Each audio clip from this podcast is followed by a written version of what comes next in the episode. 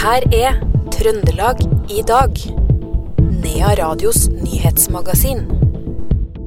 Trønderske lakseelver er i fare. Rømt oppdrettslaks har i nemlig stor grad krysta seg inn i mange ville laksebestander. Og vi har møtt årets hverdagshelt i Trøndelag. Dette er noen av overskriftene i Trøndelag i dag, mandag 15. januar.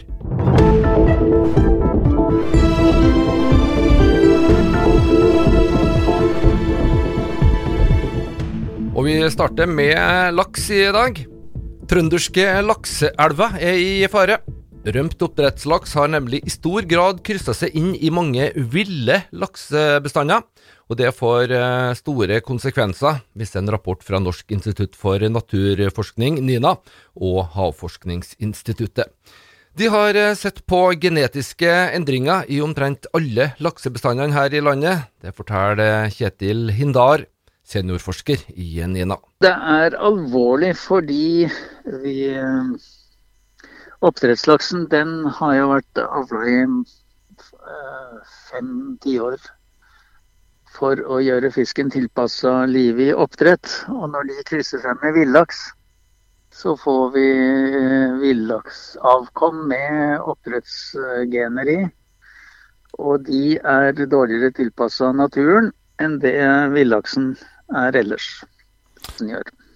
Både Namsen og Stjørdalselva havner i kategori svært dårlig. Hva kan konsekvensen av dette bli for de to nevnte elvene?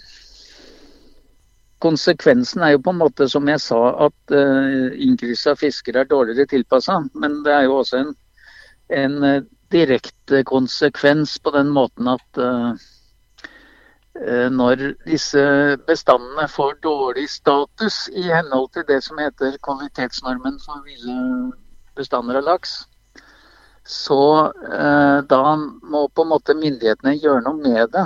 Og Miljødirektoratet har jo eh, stengt fiske i flere av disse elvene som havner på rødt. Det sa seniorforsker i NINA, Kjetil Hindar, til reporter Roar Vold Nordhaug. Og vi holder oss til laksetema litt eh, til. Stjørdalselva er altså en av lakseelvene som får karakteren svært dårlig av Norsk institutt for naturforskning, NINA, og av Havforskningsinstituttet. Det får de i en rapport om genetisk innblanding av oppdrettslaks i villaksstammen. Svært bekymringsfullt, men dessverre ikke så uventa, sier Gunnar Daniel Fordal, leder i Stjørdalsvassdragets elveeierlag. Så Vi har jo vært forberedt på det. Eh, og vi har jo fått noe, noe påminninger om det da, gjennom at vi tar gentester av den fisken som vi bruker i vekkerisammenheng. Eh, så vi har jo av og til hatt veldig stort innslag da, i de 30 genprøvene som er tatt der. Så vi har jo vært forberedt og vært klar over det. Så, men eh, akkurat at vi nå har gått opp i rød status, det, det bekymrer oss. da. Ja, Hva er det som er den største bekymringa? Nei, Det er jo at forskerne sier at, kan, at det ikke bare kan, men at det er den alvorligste trusselen for villaksen. Altså, de Vitenskapelig råd for lakseforvaltning har et trusseldiagram, og der setter de jo genetisk innblanding over innslag av, rømt, innslag av lus. Da. Og det, ja, så Lus er jo et betydelig problem. og Hvis det, det med genetisk innblanding er verre eller det, så, så, har vi et betydelig problem. Og Det er jo, det er jo avdekket gjennom at laksen i enkelte områder har havna på rødlista. Det sa Gunnar Daniel Fordal, leder i Stjørdalsvassdragets elveeierlag, til reporter Knut Inge Skjem.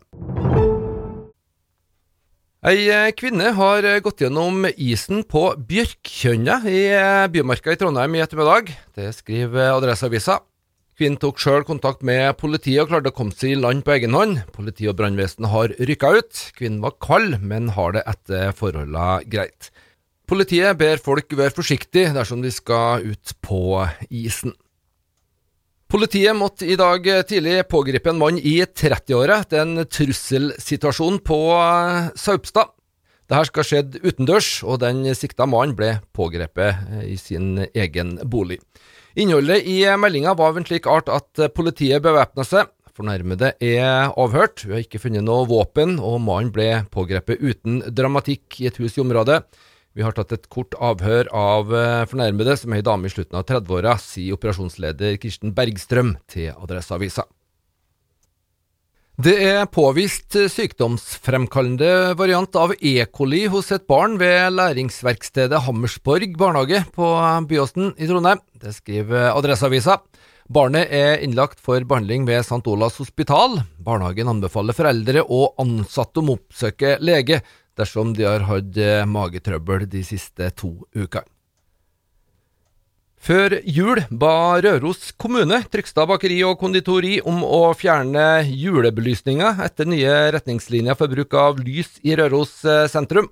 Nå vil et medlem av kontrollutvalget i kommunen stille spørsmål om håndtering av saken. Det skriver Arbeidets Rett i dag. Kontrollutvalget har lest uh, i pressa om uh, Trygstad bakeri og konditori, og at det har satt opp belysning for å belyse bygningen i Kjerkata i desember.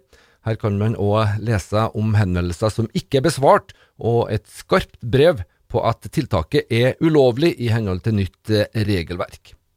Kontrollutvalget Røros har sitt neste møte 23.1, og det er altså ett av medlemmene i kontrollutvalget som har kommet med innspillet. Og I møtet skal utvalget ta stilling til om saken skal sendes videre til kommunen. I etterkant av Trøndelagsmøtet i forrige uke, så holdt Jernbaneforum Midt-Norge konstituerende møte. Der ble Guri Heggem fra Røros valgt til ny leder. Nå skal vi ha første møte da, i arbeidsutvalget på fredag, så da må jeg kanskje ta litt forbehold om at det blir godkjent i noe, i noe forum der. Men vi må iallfall snakke om to, to, to tog i timen eh, mellom Trondheim og Steinkjer er jo viktig for eh, Trønderbanens ve og vel. Eh, så er jo selvsagt er jo opptatt av Rørosbanen. og den er jo Problematikken rundt det kjenner jeg vel aldri til, og spesielt aktuelt nå når det går så mye godstog på Rørosbanen og at det ikke er mulighet til å kjøre persontog i den skalaen som har vært før. Da, så er jo det viktig for oss som bor på Røros, og ikke minst andre som bruker den banen over hele Østerdalen og ellers i, i Trøndelag. Da. Mange spørsmål å ta tak i, vil jeg tro. Og det sa Guri Heggem, nyvalgt leder i Jernbaneforum Midt-Norge. Tanja Holmen blir ny direktør ved Norsk senter for folkemusikk og folkedans. Holmen har tidligere jobba som daglig leder hos Fretex Midt-Norge AS og vært reiselivsdirektør for Visit Trondheim. Fredag kveld så ble Mushaga Bakenga kåra til årets uh, trønder. Det skjedde på et årlig arrangement i Olavshallen i regi av Adresseavisa og NRK Trøndelag. På samme arrangement ble Bodil Morken fra Åren hedra som årets hverdagshelt. Eh, men det har kanskje ikke sunket inn helt ennå. Jeg syns det er veldig stas, men òg veldig rart. Så er lov å si det. Det ble litt av en eh, festkveld i Olavshallen fredagskvelden? Det ble det, vet du. Um, satt jo attmed de andre nominerte, og deriblant Frode Eggen, sykehusklovn. Så jeg satt og forberedte han på at han skulle vinne. jeg var sikker på det. Jeg hadde ikke noe magefølelse på at det var navnet mitt som skulle bli ropt opp, nei.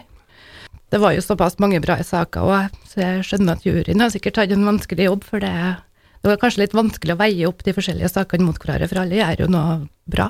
Hvordan har det vært nominert, da? Det, har det vært noen hemmelighetskremmerier, eller har du kunnet gått og delt det her med alle du ønska? Nei, når jeg fikk den telefonen fra adressa, så var det at jeg kun fikk dele det med mine næreste, da. Så det var ikke noe snakketid før det var presentert i media. Det sa årets eh, hverdagshelt Bodil Morken ifra Åren, som altså eh, fredag kveld sammen med Mushaga Bakenga ble gjort eh, stas på av Adresseavisa og NRK Trøndelag og det trønderske publikummet. Og det var det vi fikk plass til i Trøndelag i dag, mandag 15. januar. Du finner det her og alle andre program i denne serien også som podkast. I studio Per Magne Moan.